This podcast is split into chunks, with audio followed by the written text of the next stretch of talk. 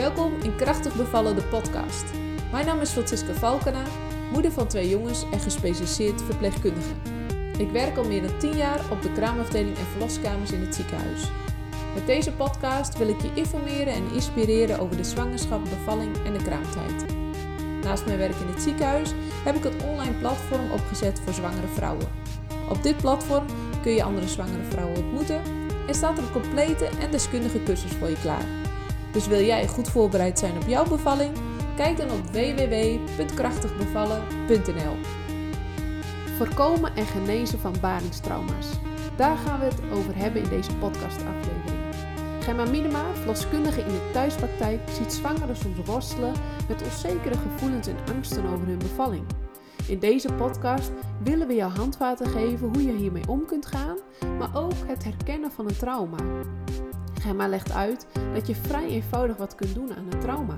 Bijvoorbeeld door middel van EMDR. Maar vooral ook, hoe ga je nou om met die verschillende omstandigheden die zich soms voordoen tijdens jouw bevalling? De insteek is niet falen, maar balen.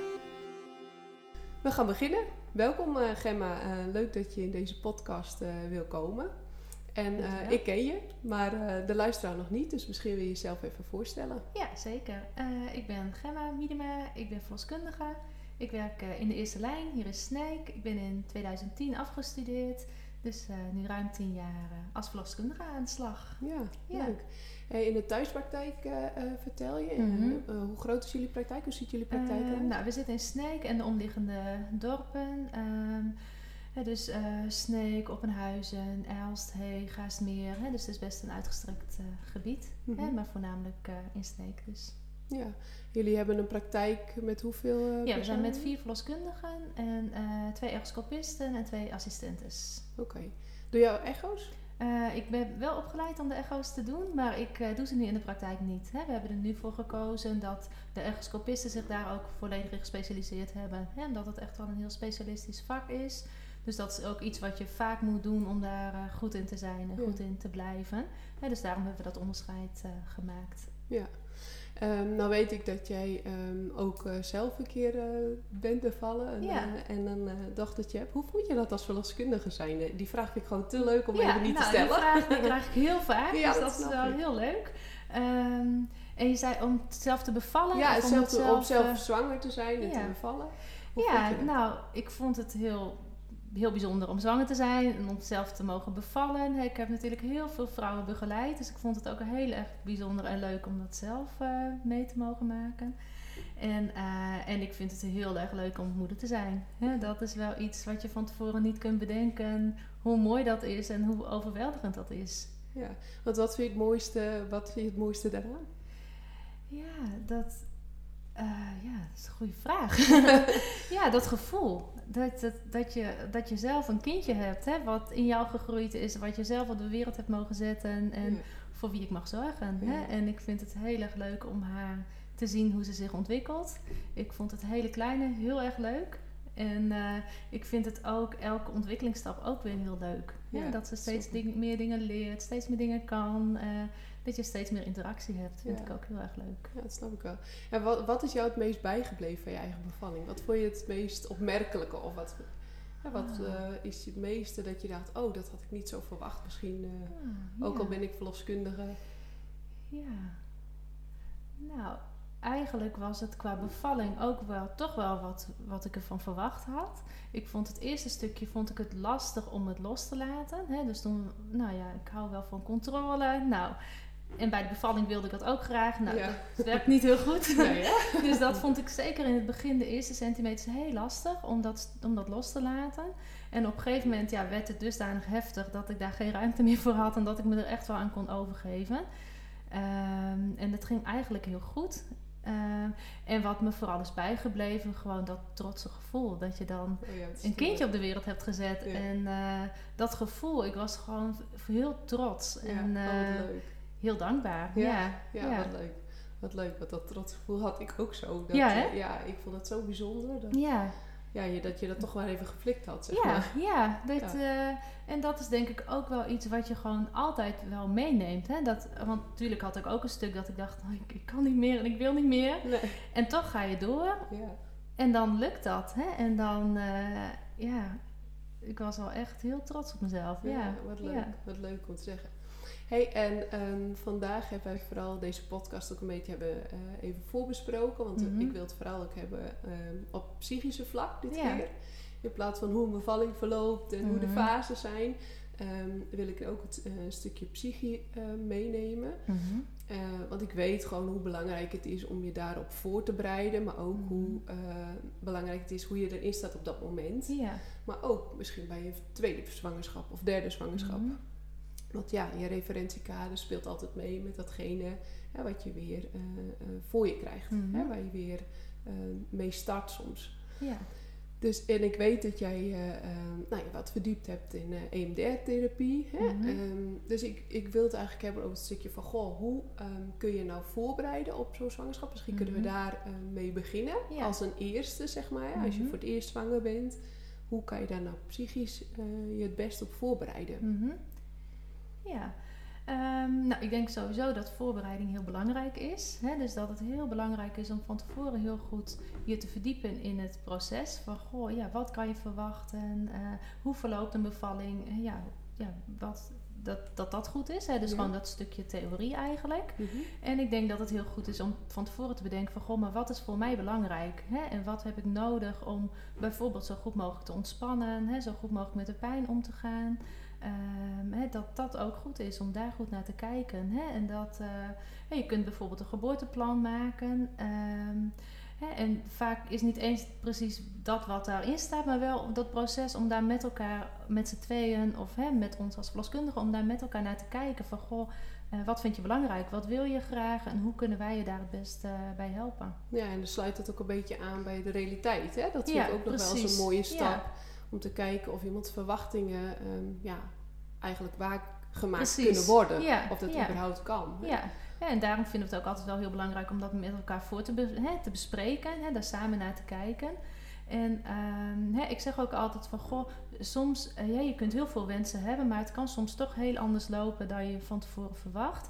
En dan toch is het voor ons heel fijn dat we weten hoe je het eigenlijk graag zou willen, zodat we daar wel op in kunnen spelen. Hè? Zodat we wel kunnen uitleggen van, goh, je wilt heel graag dat we dit doen, maar nu is toch iets anders nodig, hè, dat je daar, het daarover kunt hebben. Ja, hè? En dat mensen wel weten van, goh, dat we die wens wel heel serieus nemen. Ja, ja. En dat we altijd zoveel mogelijk kijken van, goh, ja, wat, is, wat, wat kan hè? en wat is medisch gezien ook verantwoord. Hè? Want daar zijn wij natuurlijk ook voor om die grenzen eh, te bewaken. ja. Je bespreekt dus eigenlijk zo'n geboorteplan ook eh, ja, gedurende een controle, denk ik. Hè? Dat je zoiets Klopt. mee, Ja. mee, neemt en Mhm. doorspreekt. Dan kan je misschien daar wat ja, punten uitpakken. Maar wat zijn bijvoorbeeld signalen van mensen ehm, die het moeilijk hebben of die ja, psychisch niet echt lekker in hun vel zitten, soms angstig? Mhm. Kan je daar ehm, wat informatie over geven van goh, hoe herken je dat bij jezelf? Bedoel je in de zwangerschap? Ja, in de zwangerschap. Ja. Eh, kijkend naar de bevalling toe, zeg maar. Ja, ja. Nou goed, wij zien soms wel vrouwen die het heel spannend vinden. Hè? En bijna iedereen vindt een Ja. bevalling wel spannend. Ja, Hè? Wat ook En dat is. is ook gezonde spanning, noem ik dat vaak ook wel. Maar je hebt ook vrouwen die er echt heel erg tegenop zien. Ja. Hè? En ja, dat onderscheid kunnen wij, hè, dat, dat maken we dan ook wel bij de controles. Hè? Als vrouwen erover beginnen, proberen we ook wel een inschatting te maken van... Goh, maar is dit iets waar extra begeleiding voor nodig is? Hè? En soms is extra begeleiding, kunnen wij dat ook bieden... Hè? door samen over te praten en te kijken van... Goh, ja, wat heb je eigenlijk nodig hè? om daar wat meer rust, hè? wat meer vertrouwen ook in te krijgen... Hè, soms eh, adviseren we bijvoorbeeld ook yoga of autonomie, hè, om gewoon wat meer controle ook over het lichaam te krijgen en wat meer ontspanning te kunnen vinden. Mhm. Ehm, dus dat bijvoorbeeld. Ehm, en soms zien we ook wel van, goh, maar dit is eigenlijk niet meer helemaal fysiologisch. Hè? Dit is eigenlijk wel veel angst en misschien zou het goed zijn om daar meer mee te doen. Hè? Om daar extra begeleiding voor te vragen. En eh, dat kan bijvoorbeeld bij een praktijkondersteuner van de huisarts of bij een psycholoog of psychiater. Hè, dus daar moeten we dan met elkaar naar kijken van, goh, wat is dan eh, nodig? Ja. Hey, en wat, want het is best wel lastig, denk ik, om het verschil voor een zwanger te zien van wat is gezonde spanning en wat is niet Ja. meer gezond, hè? Nee. Nee, ik zeg altijd wel van, goh, ja, staat het je echt in de weg? Hè? Beperkt het je in je, in je dagelijkse functioneren? Ja, dan is het vaak wel iets om echt eh, wel iets mee te doen. Ja. Hè? En dan is het, hangt het een beetje vanaf in welke mate is het. Hè? En ook van, goh, wat is je verleden? Hè? Ben je bijvoorbeeld bekend met hè, psychische problemen, depressies, angststoornissen? Ja, dan zijn we eerder geneigd om daar iets mee te doen bij, hè, dan bij iemand die nog nooit iets op dat gebied heeft meegemaakt. Ja, ja. Dus eigenlijk op het moment dat het je beperkt in je dagelijks functioneren en dat het je zo bezighoudt dat het je, Mhm. nou ja, dat je er niet meer, niet meer niet aan kunt denken. Ja, het Mhm. klinkt een beetje Ja. maar dan eigenlijk is het, nou ja, een soort van afwijkend of in ieder geval zo dat je daar misschien iets mee moet. Klopt, ja. Ja, en Ja. Wat, wat zou je daar dan voor, eh, wat, wat, wat zouden de mogelijkheden zijn om daar, eh, wat zouden vrouwen daarvoor kunnen doen? Ehm, nou, soms helpt het al om er gewoon over te praten hè, en ook met elkaar te kijken van, goh, maar wat is de oorzaak? Hè? En waarom Ja. vind je dat zo spannend? En eh, waarom vind je dat mm, hè, spannender dan anderen misschien ook? Hè? En Ja. heel vaak zit daar iets achter. Hè? Heel vaak zit daar angst achter bijvoorbeeld. Hè? Het angst ook voor het onbekende. Of de angst voor dat er iets misgaat met jezelf of met je kindje. En eh, soms ook wel een stukje controleverlies. Hè? Het gevoel van, goh, je moet die controle uit de handen geven. Hè? Je moet je overleveren aan eh, de mensen die om je heen staan en die voor je zorgen. Hè? En dat Ja. is soms ook best, eh, best een uitdaging. Ja. En daar kom je dus eigenlijk toch weer op een stukje voorbereiding. Hè? Je pakt Ja. dan denk ik die voorbereiding er weer in mee. Mhm. Van goh, hè, ehm, als je weet wat je kunt verwachten, kun je daar natuurlijk zelf ook makkelijker op inspelen. Ja, klopt. Ja. Dat, eh, dat denk ik sowieso. ja. Maar wat nou als je bijvoorbeeld eh, mensen hebt, eh, nou dat zien wij ook wel in het ziekenhuis, hè, dat ze Mhm. de eerste keer misschien een traumatische ervaring hebben. Mhm. En dan voor de tweede keer of de derde keer misschien zwanger zijn en daar ja, nog last of ineens last van krijgen Ja. of daar nog last van hebben. Mhm. Ja, nou dat is ook iets wat wij best wel heel vaak zien. Ehm, hè, wat we eh, best vaak zien is dat een bevalling hè, kan best heel ingrijpend, of is bijna bij iedereen heel, voor iedereen heel ingrijpend, maar kan ook soms zo ingrijpend zijn dat vrouwen het als traumatisch ervaren. En wat wij vaak zien is dat mensen daar niet meteen iets mee doen. Hè? Mensen zijn heel erg geneigd om te denken van... Goh, maar ik heb een gezonde baby en Ja, ik moet ja. blij zijn, ik moet dankbaar zijn en eh, ik moet vooral niet klagen. Hè? Dat is denk ik ook wel een beetje de mentaliteit van ons als Nederlandse vrouwen. Hè? Dat Ja, je maar ja. moet doorgaan. Hè? En eh, mensen gaan er vaak ook door en doen dan soms niet iets met dat trauma... En eh, proberen dat een beetje te vermijden. Hè? Mhm. En dat lukt vaak ook best heel goed. Tot het moment dat je weer zwanger bent. En dan weer moet bevallen. Hè? En soms komt het dan pas aan het licht. Van goh, eigenlijk is daar nog iets wat, eh, wat eigenlijk nog niet verwerkt is. Nee, precies. En eh, hè, dat zien wij best heel regelmatig hè, bij vrouwen die voor de tweede of de derde keer zwanger zijn. En eh, ik vind dat dan wel heel belangrijk om daar wel iets mee te doen. Hè? Ja. Want het is zo jammer als dat een volgende bevalling in de weg staat. Hè? En als, dat, ja, als daardoor andere keuzes worden gemaakt dan je eigenlijk zou willen. Ja. En hoe, ja, dat klinkt misschien heel gek, maar hoe voorkom je dat eigenlijk? Dat je eigenlijk de eerste keer een trauma hebt. Ehm, ja, eh, nou ja, goed, je kunt het niet altijd voorkomen natuurlijk. Ja. Ehm, wat ook daarin waar we het net over hadden, hè, die voorbereiding is denk ik heel belangrijk. En wat denk ik ook heel belangrijk is, van goh, wat zijn je verwachtingen? Hè? Ja. En wat wij soms zien is dat de verwachtingen niet altijd reëel zijn. En eh, dat eh, vrouwen zich ook heel verantwoordelijk voelen. Hè? Dus hè, en graag, wat ik net ook al zei, die controle heel graag willen hebben en willen houden. En ik zeg ook vaak tegen vrouwen: van, goh, probeer. Hè, bij een bevalling heb je factoren waar je invloed op hebt en factoren waar je geen invloed op hebt. Mhm. En probeer daar waar je invloed op hebt, probeer die factoren zo positief mogelijk te beïnvloeden.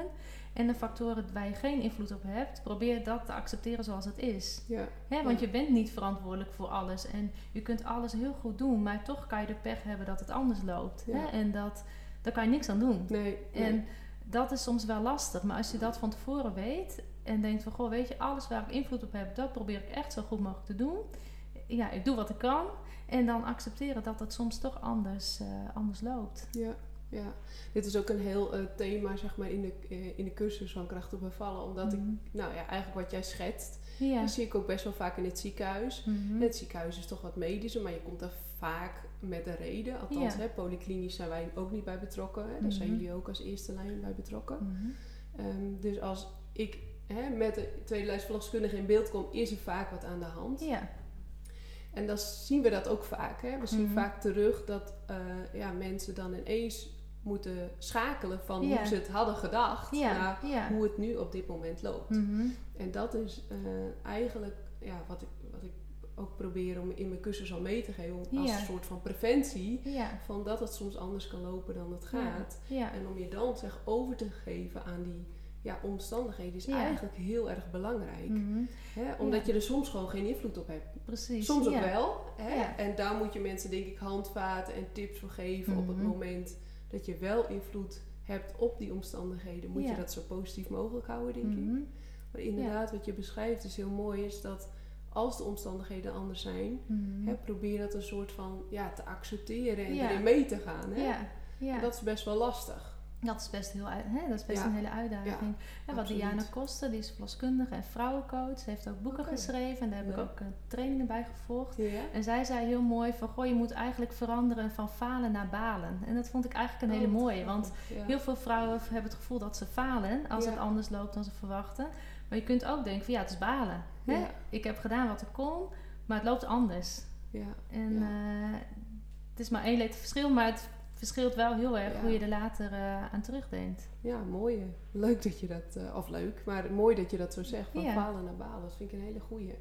Want eh, eh, het is natuurlijk goed om een bepaalde positieve mindset te hebben om Mhm. in je bevalling te gaan.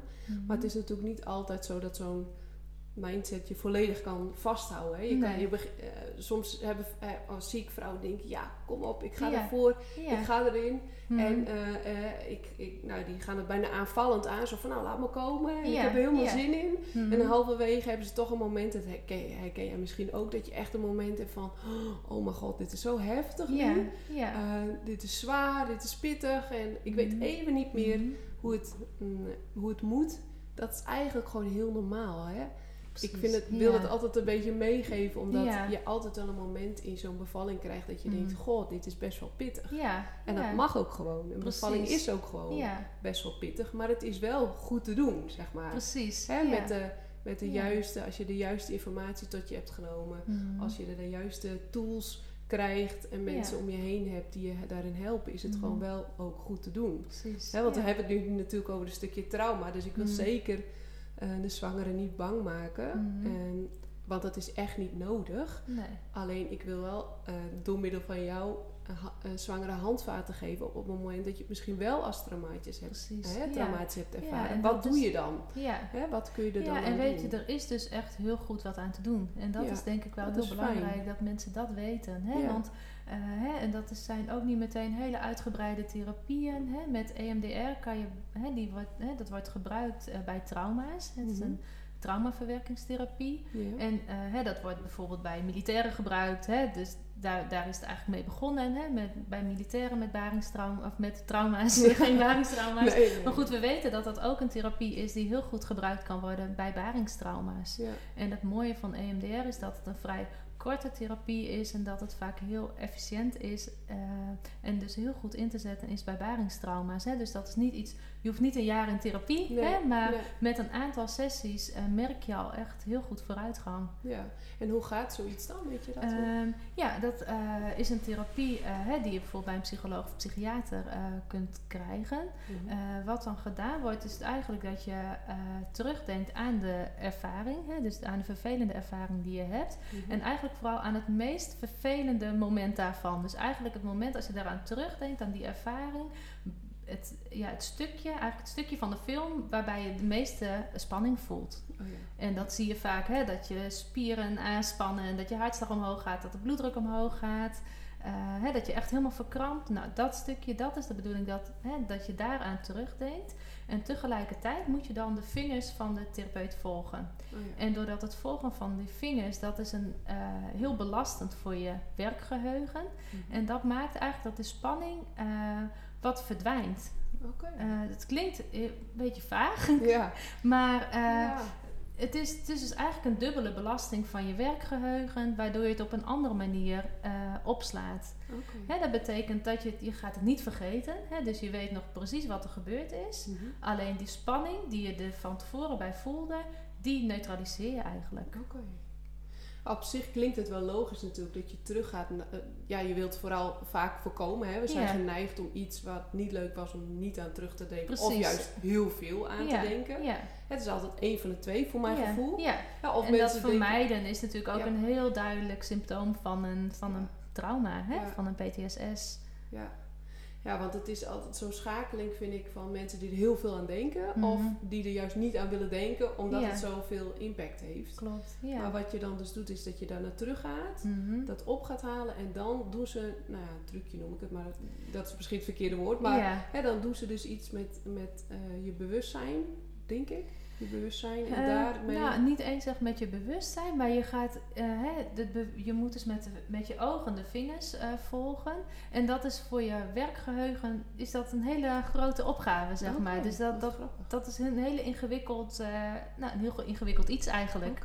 En ja. dat maakt dus dat, dat je het anders opslaat. ja. Ja, En want, je bent niet onder hypnose of Nee, andere, nee, je bent nee. gewoon bij de tijd. Precies, ze vragen ja. gewoon bepaalde vragen, denk ja, ik dan. Ja. Het gaat via een heel eh, vast protocol. Eh, hè, dat is ook heel belangrijk dat dat protocol eh, gevolgd wordt. En dat je dus ook van tevoren ook goed ontdekt, maar goh, wat is nou het meest vervelende moment geweest? Hè? Of Mhm. het moment wat de meeste spanning geeft. En dat is soms helemaal voor iemand anders helemaal niet goed te begrijpen of te verklaren soms. Hè, maar dat moet dus echt degene die het trauma heeft, die moet dat echt zien te ontdekken. Van, Ja. goh, wat, wat maakt nou? En dat is soms best verrassend. Hè? Is dat iets anders dan je soms van tevoren bedenkt? Oh ja. En dan ga je eigenlijk met zo'n therapeut helemaal naartoe van Klopt, ja, wat ja. dan precies dat. dat Ja. eh, Oké, Ja. Ja, bijzonder. Eigenlijk helemaal niet iets heel heftigs. Nee, nee. Eh, hè? Althans, de althans, hoe je het vertelt. Mhm. Het is wel heftig om naartoe naar dat gebeurtenis terug te gaan waar je liever niet naar terug Mhm. gaat. Alleen niet dat je denkt van nou, ik moet op een sofa gaan liggen, ik word onder hypnose Nee, gebracht en ik ga niet. Nee, nee, zoals ik het vertel klinkt het misschien een beetje zweverig, maar dat is het absoluut niet. Nee. Nee.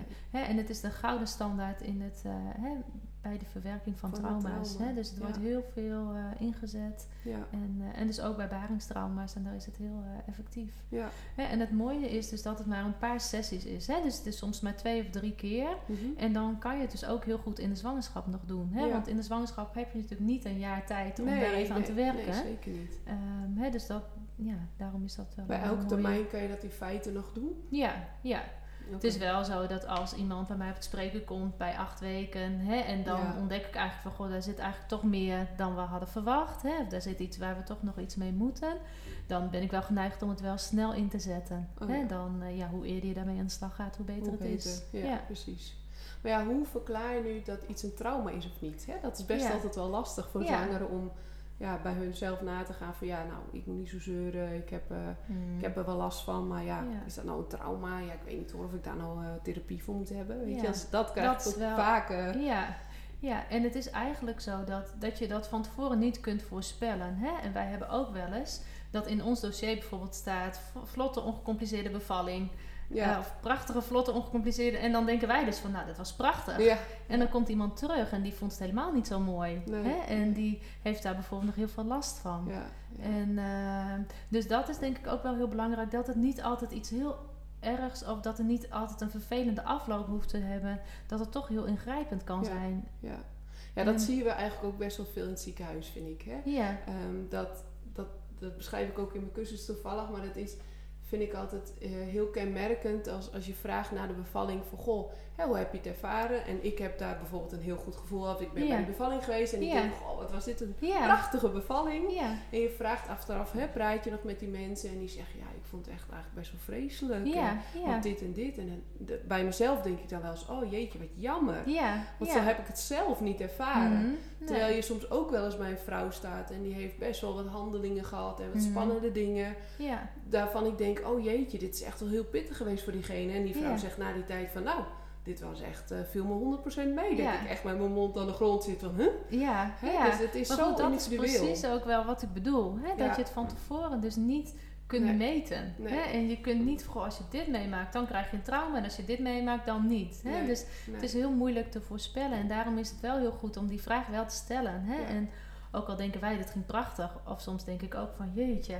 Ja. En dan hebben vrouwen daar helemaal niet zoveel last van. Nee, nee.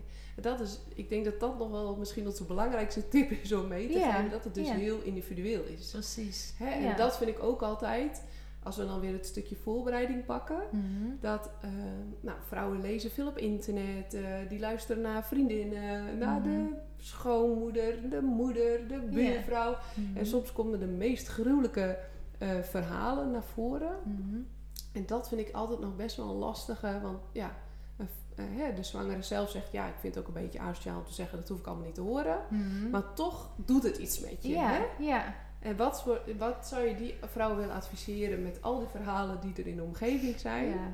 Nou, ik zeg eigenlijk meestal van goh, de verhalen die verteld worden, dat zijn meestal de uitzonderingen. Hè? Ja. Want de vrouwen die, uit, hè, die uitzonderlijke dingen hebben meegemaakt, die hebben vaak ook heel erg de behoefte om die, dat, daarover te praten. Hè? Want Ja. dat heeft gewoon veel impact gehad. Dus ik probeer dat ook altijd wel een beetje te relativeren. Ja. Hè? En het is hè, de vrouwen die gewoon normaal ongecompliceerd bevallen zijn, die hoeven daar vaak niet heel vaak over te praten. Nee. Hè? Want Nee. die, het is gewoon zoals het is en dat was fijn en dat was goed en die gaan weer verder. Ja, ja. En, eh, dus dat probeer ik altijd wel te benoemen. Van gewoon realiseer je dat.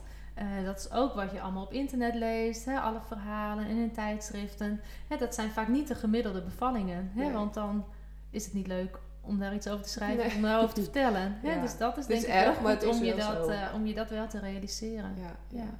Ja. ik denk dat dat een hele goede is. Wat ik zelf ook altijd zeg is nog van, joh, het is zo persoonlijk, hè? Wat Ja. we net ook beschreven. Het is zo Mhm. persoonlijk dat, ehm, ja, soms gaat er zo'n tijd overheen. Ook dat ja. Het, eh, de dingen die negatief zijn, die impact hebben gemaakt, soms ook nog eens groter worden. Hè? Precies. In, je, ja. in je eigen brein, zeg maar. ja. Omdat je, ja, je hebt het toen beleefd, maar Mhm. ik weet niet of jij dat ook hebt, maar als ik aan mijn eigen bevalling terugdenk, nou, je kan nooit die pijn beleven Mhm. zoals je dat toen hebt beleefd. Nee, nee. Aan de ene kant is dat me goed ook, want anders zouden alle vrouwen misschien met een eerste kind ophouden.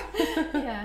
Hè, maar aan de andere kant is dat ook het beschermingsmechanisme van je lichaam. Hè? En, en kan ik nu al niet meer helemaal aanvoelen, Mhm. zeg maar, hoe dat exact gevoeld nee. heeft. Nee, En dat is natuurlijk ook met een trauma zo. precies. Ja. Hè, dat is, En dat is eigenlijk ook wel het mooie, want je weet echt wel dat het heel veel pijn deed. Ik bedoel, Ja. dat kunnen we niet ontkennen. Nee. Alleen hoe dat precies was en hoe dat voelde, dat weet je vaak niet meer. Nee, nee, Hè? En nee. Dat, is, dat gevoel is vaak al heel snel weg. Ja, ja, dat is eigenlijk Dat, best wel eh, bijzonder, vind ja, ik. Hè? Ja. Soort beschermingsmechanisme van je lichaam. Mhm, ja. En eh, ja, dat, dat maakt het ook wel weer... Ik, het was niet zo dat ik het niet draaglijk vond, zeg maar. Mhm. Hè? Ik vond het echt wel ook te doen. En Ja. mijn eerste bevalling dacht ik echt... Nou, dit kan ik morgen wel weer doen ja, zelfs. Ja. Dus, en dat kan niet iedereen zeggen hoor, Mhm. dat, dat ben ik me bewust van. ja, het is wel leuk. Dat zei ik ook een half uur na de bevalling. Ja? Van nou, dit kan nog wel een keer. Oh ja, wat grappig. Ja. Ja. Eh, dus dat is ook goed om te benoemen. Dat Ja. best wel veel vrouwen ook zo'n ervaring hebben. Ja, Hè? Dat ze ja. denken, oh, dit valt me 100% mee. Ja. Maar toch eh, zie ik dat vaak bij vrouwen die een realistisch beeld hebben bij een bevalling. Valt jou dat ook op? Dat dat... Ja, ja. Ja, en dat is denk ik ook dat stukje waar we ook mee begonnen. Hè? Dat die voorbereiding gewoon heel belangrijk is. Hè? Dat je weet wat je kunt verwachten. Dat je weet dat het echt heel hard werken is.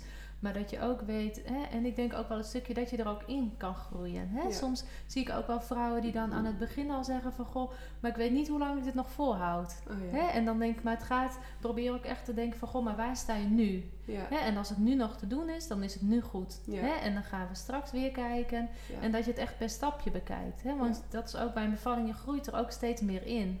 Hè? En je went er wat meer aan. Hè? Je kunt ook steeds meer pijn hebben. Hè? Je lichaam gaat ook naarmate je wat verder komt, hè? die endorfines aanmaken. Ja. Waardoor je ook steeds meer aan kan. Hè? Ja. Wat meer in de roes komt. En eh, steeds wat meer die ontspanning kunt vinden. Hè? Dus ik denk ook dat je daar ook wel op mag vertrouwen. Ja. Hè? En, eh, ja, gewoon niet sowieso ver- vertrouwen hebben in je eigen lichaam. Ja, Ik bedoel, het vrouwenlichaam is er toch tenslotte voor gemaakt. Precies. Ja. Dat is niet voor niks zo. Mhm. Ik denk dat dat ook nog steeds gewoon een hele belangrijke boodschap eh, Ja. is. Dat we dit gewoon, wij kunnen dat als vrouwen Precies, gewoon. ja, ja.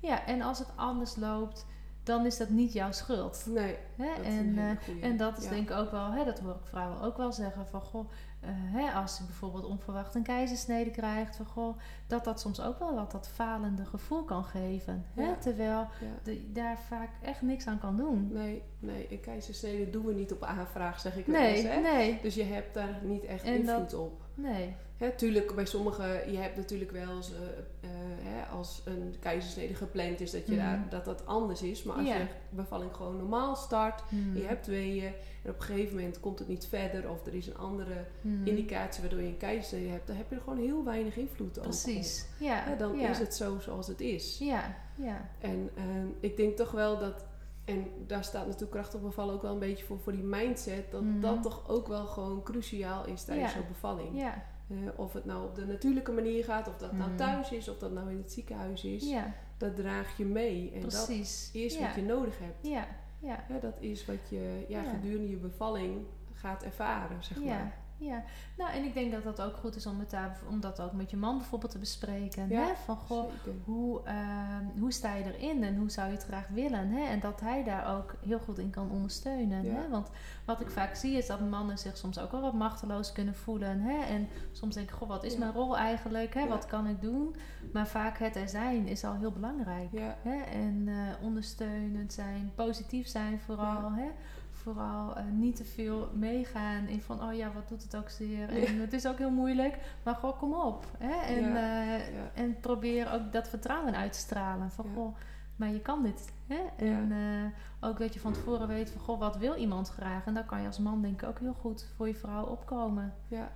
ja, dat En, vind ik eh, super goed dat je dat, dat, dat, je dat zegt. Want eh, nou, ik, ik heb in de cursus ook een hele module daarover geschreven, omdat die mannen echt eigenlijk voor onschatbare waarden zijn, maar ze dat zelf nog niet inzien. Hè? Precies, nee. Ze nee. denken vaak van, joh, joh, ik sta er maar wat bij, ik kan niet zoveel, maar je kan echt heel veel. Ja, echt heel veel. Hè? En je ja. hebt zoveel concrete dingen die je kan toepassen in Ja. tijdens zo'n bevalling. Wat, Mhm. wat je vrouw of je partner of hè, wie dan ook, of het nou een man is of een vriendin. Mhm. eh, of natuurlijk je moeder die misschien tijdens de bevalling is. Hè? Dat geldt natuurlijk voor iedereen die daarbij is. Mhm.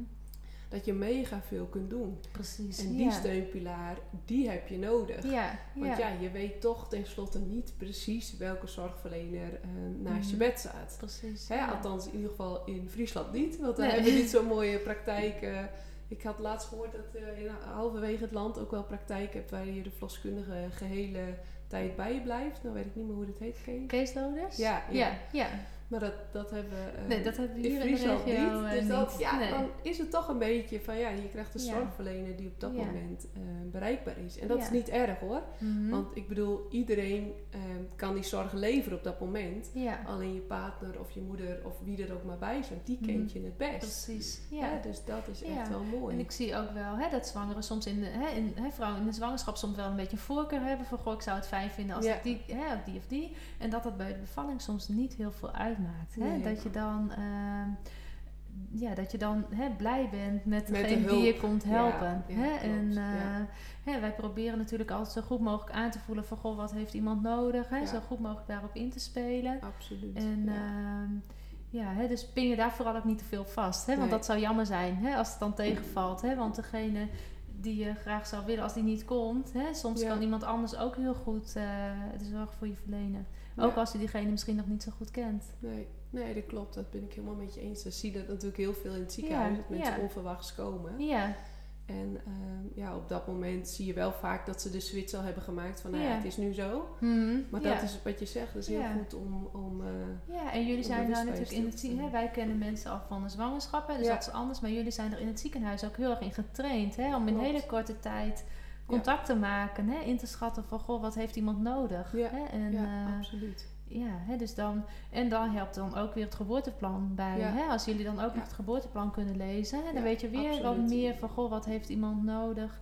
En wij proberen dat natuurlijk ook hè, mondeling zo goed mogelijk over te dragen. Hè? Ja. Als iemand eh, hè, bijvoorbeeld halverwege van ons naar jullie wordt overgedragen, hè, proberen wij vaak ook wel even te benoemen van goh, wat vindt iemand ja, belangrijk. eh, ja? En daar kunnen jullie dan ook weer op inspelen. Hè? Dus ik merk in de praktijk dat dat eigenlijk altijd wel heel mooi en goed gaat. ja. En daar, daar, want heel vaak krijg ik nog wel eens de vraag: moet ik echt zo'n geboorteplan invullen? Ehm, je doet het niet alleen voor de zorgverlener, je Mhm. doet het vooral eigenlijk voor jezelf. Precies, ja. Al, alleen al voor een stuk voorbereiding, Ja. dat je zelf weet van: oh ja, goh, ik heb over die dingen nagedacht. Ja, ja. En eh, het feit dat als je even niet in staat bent om dat helemaal te gaan uitleggen wat je Mhm. precies wil, Ja, dat dat ergens staat en dat je dat er makkelijk bij kunt pakken. ja, Eh, dus het is zeker, eh, ja, ik vind het zeker een, een ding om te doen. Ja. absoluut. Eigenlijk precies wat je benoemt. Hè? En dat je dus van tevoren daar al een keer met elkaar naar kunt kijken. Ja. Ehm, en, eh, en ik zeg ook altijd, weet je, het hoeft niet. eh, we hebben ook wel eens geboorteplannen van 15 A4'tjes met inhoudsopgaven. Weet je, dat hoeft echt niet, want dan eh, vragen we toch een samenvatting. Ja. dus, hè, maar als je gewoon een paar puntjes, hè, Ja. dat zegt vaak al, Ja. al heel veel. Ja. Ja, je krijgt nog best wel vraag, vaak die vraag van, goh, wat moet er nou precies in? Ja. Dus dat is ook een reden waarom ik hem in mijn cursus heb opgepikt, Ja. zeg maar. Dat mensen een idee hebben wat erin zou kunnen. ja, ja, Maar het zijn toch wel vaak, vaak weet je toch wel zelf wat je graag wil. precies. Hè, toch heb ja. je wel bepaalde dingen. eh tuurlijk Mhm. helpen we je daarmee. Ja, Eh, maar toch zijn er wel dingen, vooral als je ze aandraagt, dan zeggen mensen ineens: Oh ja, oh ja, dat is toch wel handig om te weten. Of eh, oh ja, dat zou ik wel willen. Of je hoeft het niet alleen te doen. Hè? Als je Mhm. twijfelt, hoe, hoe schrijf ik zo'n ding? Je kan altijd bij je verloskundige vragen hoe, dat, hoe het in elkaar zit. Ja, Eh, eh, internet staat er natuurlijk ook chockvol staan, maar er Mhm. staat niet altijd de allerbeste, nee, wat mij betreft. Nee, nee. eh, er staat niet altijd de, de allerbeste eh, adviezen. Mhm, Eh, maar ja, dat heb je met alles. Precies. Ja. Hey, merk je nu ook, nu we, we zitten nu midden in de eh, COVID nog, Ja. eh, merk je ook de psychische belasting van eh, zwangere vrouwen? Of vind jij het wel, eh, Ja, of, of zie, je dat, zie je eigenlijk niet zoveel van terug? Ja, het heeft eigenlijk wel een beetje twee kanten, denk ik. We Mhm. zien eh, positieve kanten en negatieve kanten. Ehm, de positieve kanten zijn denk ik dat vrouwen soms wat meer rust ervaren. Eh, hè, zeker in de kraamtijd. Hè. Mhm. komt geen of bijna geen visite. Eh, dus je Mhm. hebt meer tijd voor jezelf en voor je kindje om hè, te herstellen van de bevalling. Hè, je hebt meer tijd voor de voedingen. Eh, hè, dus in die zin zien wij in de gezinnen meer rust Mhm. op dat moment.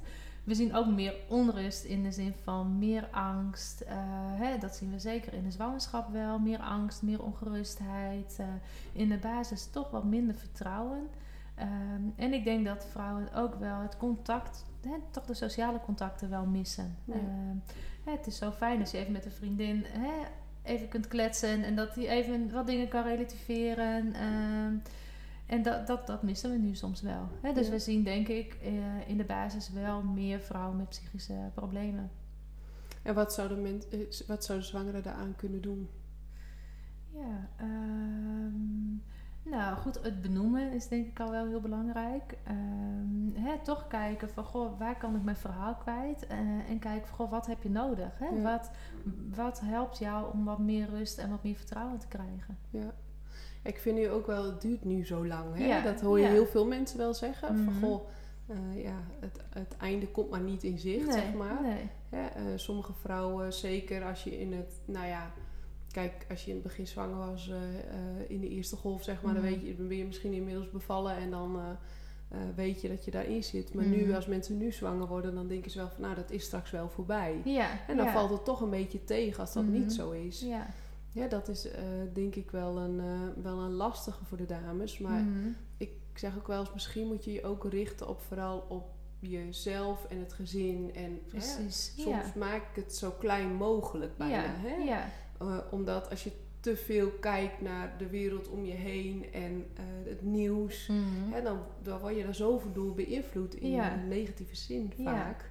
Dat ik wel zeg van nou, hè, Ja, is blijf bij jezelf mooie. en bij je gezinnetje Ja. en bij datgene wat, wat jullie doen. En maak daar het beste van. Ja, ja. En kijk misschien niet te veel naar al, eh, ja, eh, het leed om je heen. Het klinkt een beetje gek, maar ik denk, Nou ja, en probeer ook eh, hè, ja, ehm, dat vertrouwen ook wel te houden. En vooral ook te kijken naar van, goh, wat kan wel. ja, ja, Hè? En, eh, en dat zijn ja, inderdaad eigenlijk wat je zegt. Probeer het klein te houden.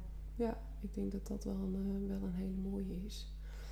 Hey, en ehm, als we het dan hebben ehm, over het laatste stukje van die bevalling. Mhm. Ehm, heb je dan ook iets, een tip of iets dat je zegt van nou in de voorbereiding, waarin, wanneer zouden vrouwen zich het beste kunnen voorbereiden? Die vraag krijg ik namelijk best wel vaak. Wanneer zou ik starten met zo'n voorbereiding? Is dat in het begin? Is dat halverwege? Is dat bij 30 weken? Is dat bij 5? Ja. Ja. Wat- En wat voor soort voorbereiding bedoel je dan? Nou, Of gewoon echt in puur op de bevalling. Ja, Ja. op die bevalling. Nou, ik denk dat het wel goed is om daar ook vanaf het begin al wel over na te denken. Hè? Van, goh, wat zou je graag willen? Wil je graag thuis of wil je in het ziekenhuis? Wat vind je belangrijk? Hè, dus daar kan je best al vanaf het begin eh, over nadenken. En soms is het ook maar net van, goh, wat is het moment waarop je daar klaar voor bent? Hè? Ja, En we zien soms bij 20 weken dat vrouwen denken van, nou, dat duurt nog heel lang, dat hoeft Ja. nog niet. Hè? En dat bij 30 weken dat het al wat meer komt, en dan komt het al wat dichterbij. En dat, hè, dat je dan wat meer gaat bedenken, maar goh, wat vind ik belangrijk? En eh, hoe wil ik dat dan? En eh, hoe ga ik dat dan doen? Ja, ja. En ehm, dat het dan toch ook nog best ver weg is. En we zien ook vaak een beetje rond de 36 weken dat vrouwen dan wat meer vertrouwen krijgen. Hè? Dat het dan dat je daar wat meer ook naartoe groeit en dat je er ook wel zin in krijgt. Ja. En dan ben je vaak ook wel klaar voor die volgende fase eigenlijk. Ja, eh, klopt. Dat- er klaar voor grappig. of een beetje klaar mee ook soms. Nou ja, ook dat. Sorry. Ja, dus maar dat, dat... is wel grappig dat je dat zegt. Want eh, dat erv- ervaar ik eigenlijk ook wel steeds in mijn werk. Dat Ja. mensen op een gegeven moment er gewoon klaar voor zijn. precies. En er gewoon ook eh, naar uitkijken. ja, Je wordt ja. natuurlijk ook rete nieuwsgierig om het zo ja, te zeggen. ja, dus dan ben je ook gewoon op een gegeven moment klaar voor de volgende stap, denk ik. Ja. En dat eh, ja, is denk ik ook heel mooi. Hè? Dat, Ja. dat is ook, ik denk dat heeft de natuur ook wel mooi geregeld. Dat je op een gegeven moment denkt van nou, pff, het is wel klaar. Ja. Nou, en dat je dan... eh, Ja. Je kijkt toch uit naar dat termijn ook. Hè? Het Precies. is een bepaald termijn. Hè? Mhm. Dat is natuurlijk negen maanden, ook ongeveer zo'n zwangerschap. mhm. En dan, eh, je hebt een soort van einddatum. Hè? Dat is een beetje je interne datum Ja, natuurlijk. Maar ja. dat, dat is wel zo'n mijlpaal dat je denkt Mhm. van, oh ja, eh, daar werk je als het ware naartoe. Dat heb je, Ja. Ik bedoel, dat heb je ook met een vakantie. Ja, ja. niet? Op een gegeven moment heb je daar, terwijl als je nog drie weken door zou moeten werken, bij wijze van spreken, had je ja. dat ook gekund. Ja, met Alleen- het gevoel dat je... Ja. ja. En dat is soms ook wel wat een valkuil, hè? Want dan leef je naar die Ja. 40 weken toe en dan duurt het soms nog wel wat langer. hè? Dus dat, eh, dat maakt dat soms ook soms best eh, Best lastig. is. Ja, is ook zo. Is ook zo. Hey, ik vind dat we al best wel veel dingen hebben besproken. En ik denk dat het heel fijn is om eh, voor de zwangere te weten van... Goh, hè, wat zijn nou de signalen op het moment dat je gewoon wat ongerustiger bent... Ja, eh, dan misschien eh, een andere medezwangere, om het zo maar te Mhm. zeggen. ja, En wat je daar dan eh, voor zou kunnen ehm, doen. ja. En dat het nooit te laat is eigenlijk om daar echt Mhm. iets mee te gaan doen. Precies. Bijvoorbeeld als een EMDR of eens een keer gewoon een vrijblijvend gesprekje met je ja. Want het is toch wel ook alleen al om eerst eens naar je verloskundige uit te spreken wat Ja. je dwars zit, is denk ik de eerste stap. En Ja. is een hele goede stap al. Ja, en dat helpt vaak ook hè, om het er dan samen over te hebben. En soms helpt het ook al als wij bijvoorbeeld een aantal dingen uitleggen. Van goh, toen is is dit zo. gedaan. En hè, als je niet snapt waarom dat is, of omdat je een bepaald proces niet snapt, dan is het ook lastiger om dat te accepteren. Hè? Terwijl als je weet, soms is het ook een technisch stukje. Hè? Van goh, maar waarom lukte dat laatste stukje niet? En als je dan weet waarom dat is, omdat bijvoorbeeld het kindje er niet goed voor lag. En je snapt dat, dan kan je dat ook meer accepteren. Hè? Dat- dus dat helpt denk ik ook al ja wel dat is een erg. hele goeie dat je dat nog zegt. Want dat druk ik ook echt altijd op de, ja, op de moeders hart, zeg maar. Ja, op het ja. moment dat ze zijn bevallen. Mhm. Kijk, ze zijn bij ons ook relatief kort. Nou, Ja. je kraambed duurt natuurlijk ietsje langer. Mhm. Ik zeg ook altijd, goh, als je nog later ook vragen hebt, al is het na een half jaar, Precies. bel nog eens naar ons, naar het ziekenhuis of naar je verloskundige Mhm. praktijk of naar, naar wie dan ook bij je bevalling was. Ja, En vraag nog eens, hoe zat dat precies? precies. Dat geeft niks. Want als je het snapt, dat Precies. helpt echt. ja, Ja, daar heb je echt al een factor eh, eh, weggehaald, zeg maar, eh, waar- waarvan je het later beter kan reden- redeneren. precies. Ja, Ja. Dat is een hele belangrijke. Ja. Dat is een hele goede. Heb je nog een tip of ding eh, of iets wat we nog niet besproken hebben? Ja, Wat je nog wilt delen? Ehm, nou, ik denk dat, dat de belangrijkste boodschap is van, goh, heb je, hè, loop je met klachten rond? Eh, ja, benoem het en ga kijken wat je eraan kan doen. Hè? Ja. En tuurlijk ehm, hè, snap ik het ook dat dat soms lastig is. En dat je dat gevoel hebt, goh, maar ik moet blij zijn en ik moet trots zijn en ik moet dankbaar zijn. Maar dat kan wel naast elkaar bestaan. Je kan en heel dankbaar zijn en een trauma hebben opgelopen waar je iets aan kan doen. Ja. Hè? En ik denk dat, dat, eh, dat je je daar zeker niet voor hoeft te schamen. Hè? Er Nee. rust best nog wat een taboe op en dat is eh, echt niet nodig. Hè? Nee. Want er is dus heel goed eh, iets aan te doen. Ja, nou super mooi dat je dit nog even hebt gezegd. En heel erg bedankt. Super. Ja, graag gedaan. Deze podcast dient als inspiratie en voorbereiding op jouw zwangerschap en bevalling. De informatie die gegeven wordt kan handig zijn voor jou, maar het kan niet worden gezien als een medisch advies. Voor meer informatie over hoe jij je het beste kunt voorbereiden op jouw bevalling, ga dan naar www.krachtigbevallen.nl. Het online platform voor zwangere vrouwen.